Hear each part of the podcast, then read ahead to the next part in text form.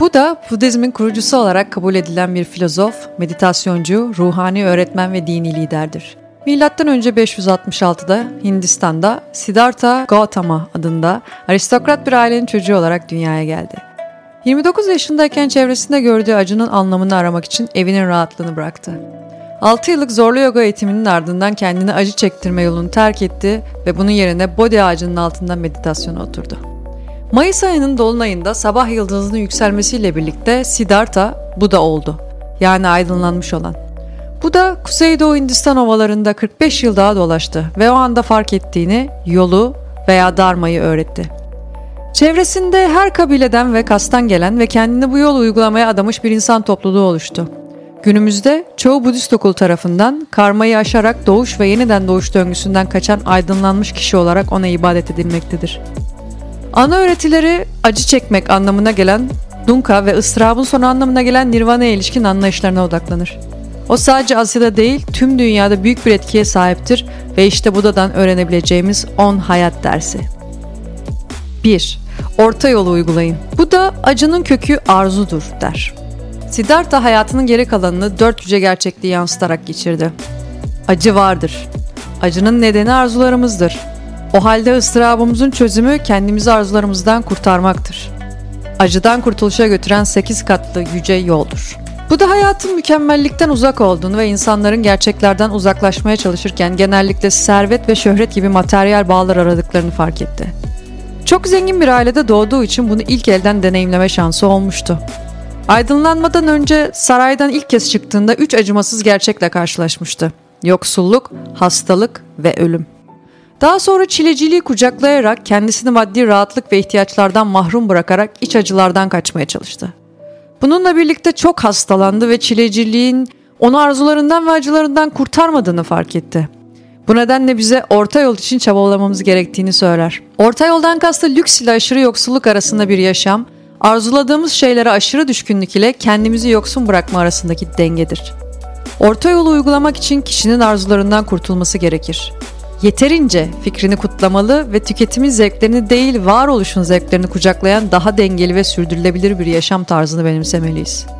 Ölümcül hastalara bakmaya odaklanan Avustralyalı hemşire Bronnie Ware, ölmekte olan kişilerin ortak pişmanlıklarından birinin keşke bu kadar çok çalışmasaydım olduğunu söylüyor. Kolayca harcanabilen şeyleri kovalayarak zamanımızın çoğunu kaybetme eğilimindeyiz. En son cihazları almak, terfi etmek istemek, banka hesabımızda daha çok para olmasını istemek gibi. Ancak tüm bunları elde ettikten sonra kendimizi hala daha fazlasını isterken buluyoruz ya da ne yazık ki bundan memnun görünmüyoruz. Mutluluğumuzu arzuladığımızı elde etmekle eşleştirdiğimizde asla mutlu olamayacağız ve her gün acı çekeceğiz. 2. Doğru görüşü benimseyin. Buda'ya göre insanlara veya durumlara üzülmeyin. Her ikisi de tepkiniz olmadan güçsüzdür. Bu da bizden doğru görüşü benimsememizi ister. Sahip olduğumuz görüşler hakkında daha felsefi olmak, neyi düşündüğümüzün farkında olmak ve sonra neyi neden düşündüğümüzü daha derinlemesine araştırmak. Ancak bu şekilde düşüncelerimizin doğru, yanlış veya kafa karışıklığı olup olmadığını bilebiliriz. Düşüncelerimiz günlük kararlarımızı ve ilişkilerimizi derinden etkiler. Kendi düşüncelerimizin temelleri hakkında daha net olabilirsek hayatımızın her alanında daha iyi kararlar alabiliriz. Bizim sorunumuz çevremizde olan şeylere hızlı tepki verme eğiliminde olmamız. Stephen Covey'nin Etkili İnsanlara Ait 7 Alışkanlık adlı kitabında bahsettiği yaşam kuralı şöyle işliyor. Hayatın %10'u başımıza gelenler ve %90'ı buna nasıl tepki verdiğimizdir. İşe gitmeden kapının önünde çocuğunuzun bisikletine ayağınızın takıldığını hayal edin. Çocuğunuzun özür dileyerek size yardım etmek için koşup geldiğini ama siz ona bağırıp kötü sözler söylediğinizi, bunları duyup gelen eşinizin sözlerinize dikkat etmenizi söylemesi, eşinizle sabah otobüsünüzü kaçırmanıza veya yolda çok hızlı gittiğiniz için neredeyse kaza geçirmenize neden olacak bir tartışmaya başladınız. Daha sonra işe 15 dakika geç vardınız. Hala kızgın olduğunuz için tüm gününüz verimsiz geçti. Ekip lideriniz sizi tersledi ve sabah olanlardan dolayı ona bağırdınız. İş yerindeki problemlerden sonra eve vardığınızda ailenizden soğukluk gördünüz ve tamamen kötü bir gün geçirdiniz. Alternatif olarak ayağınızı çarptığınızda derin bir nefes alıp ardından çocuğunuzu affettiğinizi ve bir dahaki sefere dikkatli ol, bisikletini kapının önünde unutma dediğinizi hayal edin bir de. Olanları çözmeye yarayan gereksiz bir tartışmaya girmemiş, otobüsü kaçırmamış ve trafikte acele etmemiş ve günün kontrolünü ele almış olurdunuz. Bize olanlara tepki göstermek yerine proaktif olabilirsek mutlu olabiliriz. Her zaman etrafımızda olup bitenlerden etkilenmeyip onları kendi gelişimimiz için kullanmayı seçebilmemiz için doğru görüşü benimseme ihtiyacımız var. 3 iyi karma yaratın. Bu da sözleriyle karma dediğim şey zihinsel iradedir ey rahipler. İrade ile vücut konuşma ve zihin aracılığıyla eylemleşir. Budizmde karma tüm eylemler değil yalnızca kişinin kendi iradesinin eylemleri anlamına gelir. İrade görece iyi veya kötü olabileceğinden böylece ortaya çıkan karma da iyi veya kötü olacaktır. İyi karma iyi sonuçlara ve kötü karma kötü sonuçlara yol açar.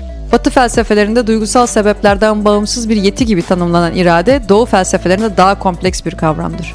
Doğu felsefelerinde irade karmayı belirlemede en önemli faktör ve eylemin etik değerini belirleyen şeydir. Bizi belirli bir deneyime doğru iten arzu zihinsel bir dürtüdür. İrade duygu ile mantık arasındaki kesişme noktasında bulunur.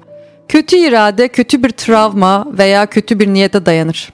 Kötü bir karmadan kaçınmak için eylemlerimizi olumlu tutum ve niyetlerle ayarlamalıyız. Başka bir deyişle öncelikle tutum ve niyetlerimiz üzerinde çalışmalı, düşüncelerimizde ve duygularımızda temiz olmalıyız. Niyetlerimiz eylemlerimize yol açar ve hayatımızda büyük sonuçlara neden olur. Kendimize daha iyi bir gelecek inşa etmek için şu anda kendimiz üzerinde çalışmalıyız. Geçmişte yaptıklarımızın şimdiki zamanda yankıları olduğu gibi şimdi yaptıklarımızın da gelecekte yankıları olacaktır. Eğer bir sınav için çalışmazsak başarısız olabiliriz. Eğer bugün çok yersek ileride hastalanabiliriz. Eğer bugün sigara ve alkole düşkünsek önümüzdeki yıllarda onlardan vazgeçmek için mücadele edebiliriz. Ama unutmayın eğer bugün daha fazla çaba göstermeyi seçersek geçmiş hatalarımızın ötesine geçeceğimizden eminiz. Örneğin şu anda başlayarak daha iyi çalışmayı seçersek planladığımızdan daha uzun sürse bile hayatımızdakileri başarabiliriz. Eğer bugün egzersiz yapmayı başarmayı seçersek şimdi olduğumuzdan daha sağlıklı yaşayabiliriz. Hiçbir şey kesin değildir. Kurallar değişebilir. Geçmişimiz bizi tanımlamaz ve bugün yaptıklarımız bugünümüzü ve geleceğimizi şekillendirebilir. Bununla birlikte doğru değişiklikleri yapmak çaba gerektirir ve bu çaba iyi bir tutum ve iyi niyetten ya da başka bir deyişle kendimize ve başkalarına karşı derin bir şefkatten gelmedikçe kalıcı etkileri olmayacaktır. 4. Her günü son gününmüş gibi yaşa. Bu da der ki bugün yapılması gerekeni şevkle yap. Kim bilir belki yarın ölüm gelir. Budizm yaşamın bir doğuş ve yeniden doğuş döngüsü olduğuna inanır ve amacımız kendimizi bu ıstırap döngüsünden kurtarmak olmalıdır. Sorun şu ki dünyada her zaman vaktimiz olduğunu düşünme eğilimindeyiz. Tüm çabalarımızı gelmeyebilecek bir yarın için harcıyoruz. Yarın egzersiz yapmaya başlayacağım. İşimi yarın bitireceğim. Annemi yarın arayacağım. Yarın af dileyeceğim. Yüzleşmemiz gereken bir gerçeklik. Her günün son günümüz olabileceğini düşünürsek her gün hevesle yaşar, hevesle barışır. Bugün yapabileceklerimizi yapar ve geceleri günümüzü sonuna kadar yaşadığımızı bilerek huzur içinde uyuruz. Bu nedenle güne doğru başlamak, dikkat meditasyonu yapmak gibi önemlidir. Örneğin nefes alıp vermeye odaklandığımızda doğrudan bir süreksizlik deneyimine sahip oluruz. Acı verici ve üzücü hikayelerimiz üzerine meditasyon yaptığımızda doğrudan acı çekme deneyimi yaşarız. Bunlar bizi anı yaşamak için motive eder. Yemek yerken sadece yemek yemek, okurken sadece okumak, işte veya okulda yaptıklarımıza odaklanarak yapmak, biriyle beraberken o anı onunla geçirmek. Bunlar geçmişten ve gelecekten uzaklaşmamıza ve şu anda yaşamamıza, şu anda bulunduğumuz yerde olmamıza izin verir. 5. Harika şeyler küçük iyi alışkanlıkların sonucudur. Bu da bize şunu söyler. Damla damla dolar su kabı. Aynı şekilde aptal kişi yavaş yavaş kendini kötülükle doldurur. Bilge kişi de yavaş yavaş iyilikle. Budistlerin iyilik ve kötülüğe yaklaşımı çok pratiktir. Kötülük bir süreliğine bizi mutluluğa götürebilir. Ancak yaptığımız tüm kötülükler eninde sonunda olgunlaşır ve bizi hastalıklara ve kötü deneyimlere götürür. Bu nedenle zaman zaman acı çeksek bile iyi eylemlerimizde sonunda olgunlaşacak ve bizi gerçek mutluluğa ve iyiliğe götürecektir. Avrupa Sosyal Psikoloji Dergisi'ne göre yeni bir alışkanlık geliştirmek için 18 ila 254 gün sürekli egzersiz ve pratik yapmak gerekiyor. Öğrenmek istediğiniz beceri ne olursa olsun her zaman bugün başlayabiliriz. Sadece bir gün egzersiz yapıp birdenbire daha sağlıklı olacağımızı varsayamayız daha sağlıklı yiyecek alternatiflerine geçmek, tempolu yürüyüş yapmak veya esnemek için sabah erken kalkmak gibi küçük şeylerle başlayabiliriz. Aynı şekilde değiştirmek istediğimiz kötü alışkanlıklar için de küçük küçük üzerlerinde çalışmaya başlayabiliriz. Ulusal Uyuşturucu Bağımlılığı Enstitüsü Başkanı Dr. Novo Volkov ilk adım olarak alışkanlıklarımızın farkına varmayı öneriyor ve böylece onları değiştirmek için stratejiler geliştirebileceğimizi söylüyor. Alışkanlıklarımızı tetikleyebilecek yerlerden kaçınarak başlayabiliriz. Sorun alkol ise barlarda geçirilen zamanı kısıtlamak gibi. Veya daha sağlıklı alternatiflere geçmeye deneyebiliriz. Bir paket cips yerine tuzsuz patlamış mısır tercih etmek gibi. Zaman zaman başarısız olsak da önemli olan o değildir. Önemli olan bunun öğrenmenin bir parçası olduğudur. 6. Bilgeliğinizi sessizce gösterin. Bu da bize yarık ve çatlaklarda akan derelerden bilin. Küçük yataklarda akanlar gürültüldür. Büyüklerse sessizce akar. Dolu olmayan şey gürültü çıkarır. Dolu olansa sessizdir der. O her zaman konuşmanın da susmanın da bir zamanın olduğuna inanırdı. Kişi konuşmak istiyorsa sadece iyi niyetli, adil, şefkatli ve gerçek olduğunda konuşmalı. Ancak her şeyi bilmediğimizi kabul ederek daha fazla dinlemeyi öğrenmeliyiz. Bu da yararsız gevezeliklere veya keyfi önyargılarla hüküm vermeye karşıydı. Günümüzün dijital bilgi bolluğunda ne zaman sosyal medyada gezinsek sahte haberlere kapılmak bizim için çok kolay. Hatta bazen yanlış inançlarımızı bir YouTube videosu veya tek bir makale ile gerekçelendirebiliyoruz. Az bilgi tehlikelidir çünkü kolay bir yanıtın olduğunu, diğer tüm soruların geçersiz olduğunu ve gerçeği bilenin sadece biz olduğumuzu varsayırız. Buna bilgelik paradoksu denir. Örneğin Albert Einstein'ın ne kadar çok öğrenirseniz bilmediklerinize o kadar çok maruz kalırsınız demesi gibi. Bu da bize bilgi olanların dinlemeyi bildiklerini çünkü bilmedikleri şeyler olduğunu kabul ettiklerini hatırlatır. Kişi bilgeliği paylaşabilir ve aynı zamanda sağlıklı diyaloglar ve dinleme ile diğerlerinden öğrenebilir. 7. Bir çatışma durumunda merhamet seçin. Buda'ya göre bu dünyada nefret asla nefretle giderilmez. Nefret etmeme tek başına nefreti giderendir. Siddhartha bile ayrımcılık ve ıstırap yaşadı. Bazen istismara uğradı ve mirasını inşa etmek için zorlu bir yolculuk yapmak zorunda kaldı. Ayrıca her ikisi de şiddetsiz eylemi savunarak ülkelerinde toplumsal değişikliklere yol açan Martin Luther King Jr. ve Mahatma Gandhi gibi diğer ünlü liderler de kötü sözlerin, ayrımcılığın ve inansızlığın kurbanı oldular. Budizm bize şiddet, nefret, istismar ve intikam döngüsünün nefretle durdurulamayacağını öğretir.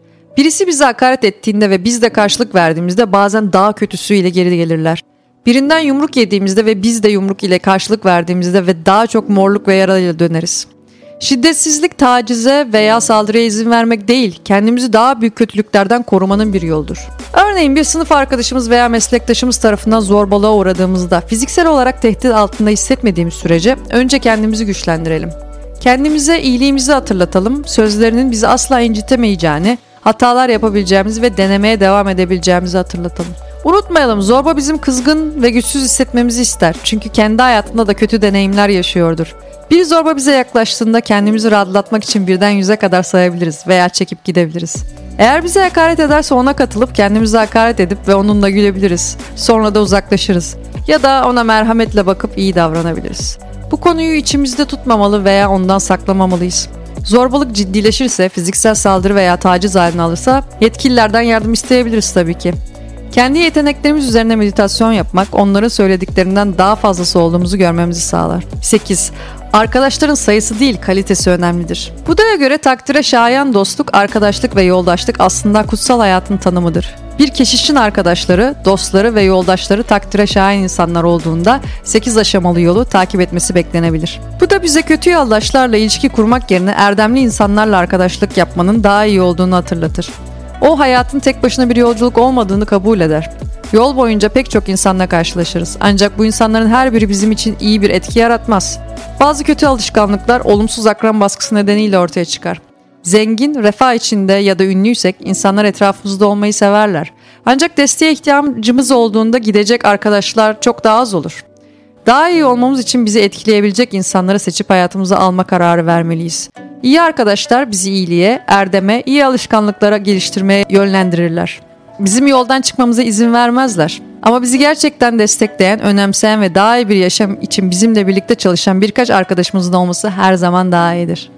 9. Cömert olun. Buda'nın sözleriyle tek bir mumdan binlerce mum yakılabilir ve bu mumun ömrünü kısaltmaz. Mutluluk paylaştıkça asla azalmaz. Bu da her zaman cömertliğin ve birbirine yardım etmenin dünyada nasıl büyük bir değişim yaratabileceğini vurgulamıştır. Çeşitli araştırmalara göre iyiliğin dalga dalga yayılma etkisi vardır. Öfke veya korkunun başkalarına geçmesi gibi sade bir iyilik eylemi de öyledir. Birine basit bir gülümseme ona daha iyi çalışma için ilham verebilir. Bir merhamet hareketi başka birine aktarılabilir. Alışveriş torbalarını taşımasında birine yardım ettiğinizde bu onu bir başkası için kapıyı açmaya teşvik edebilir. O bir başkası da bir ihtiyacı olana yemek alarak ya da yaşlı birinin karşıdan karşıya geçmesine yardım ederek bu iyilik eylemini hayata geçirmesi için ilham olabilir. Bu basit iyilik eylemlerinden birçok şey ortaya çıkabilir. Bununla birlikte bu da öncelikle kendimize bakmamızı ister. Sahip olmadığımız şeyi veremeyiz. Kendimizi hiçe sayarak sınırlarımızı aşıp yemek ya da uyumak için bile kendimize bakmadan başkalarına yardım etmek istesek bile bu hastalanmamıza, yorgun düşmemize neden olur ve o zaman da yardım edemeyecek hale geliriz. O yüzden kendimize iyi bakmak, sağlıklı yaşamak, meditasyon için kendimize zaman ayırmak, diğer insanlardan destek istemek önemlidir. Çünkü ancak o zaman içimizdeki gücü ve sevgiyi verebiliriz. 10. Siz de bu da olabilirsiniz. Bu video için son alıntımız da bu da şöyle söylüyor. Sen kendin çabalamalısın. Budalar sadece yolu gösterir. Bize Buda tarafından verilen tüm bu yaşam dersleri bize bizim de bir Buda olabileceğimizi ve aydınlanabileceğimizi ama bunu ancak bu Budizm öğretilerini günlük hayatımızda yaşarsak olabileceğini öğretmek içindir. Ondan sonra gelen ve Budizmi geliştiren Budalar hepimiz için ilham kaynağı ve rehber olabilirler. Şu anda hayatın umutsuz olduğunu hissedebiliriz. Kendimizi borç içinde, işimizde mutsuz, ailemiz ve arkadaşlarımızla kavga halinde bulabiliriz. Hayatın bizim için zaten çok zor olduğunu düşünebiliriz. Bu da bize değişimin bizimle başladığını hatırlatır. Hayatımızın kontrolünü elimize almalı ve onu kadere ya da cennete bırakmamalıyız. İyi mücadele edip kolay kolay pes etmemeliyiz. 8 katlı yüce yolun her biri doğru görüş, doğru çözüm, doğru konuşma, doğru eylem, doğru geçim aracı, doğru çaba, doğru farkındalık ve doğru konsantrasyon inşa ettiğimiz alışkanlıklarla daha çok geliştirmeye başlayabileceğimiz şeylerdir. Her zaman daha fazlasını okuyabilir, daha fazla araştırma yapabiliriz ve birlikte Buda'nın bize rehberlik ettiği acıdan kurtulup Nirvana'ya ulaşmayı umabiliriz. İzlediğiniz için teşekkürler.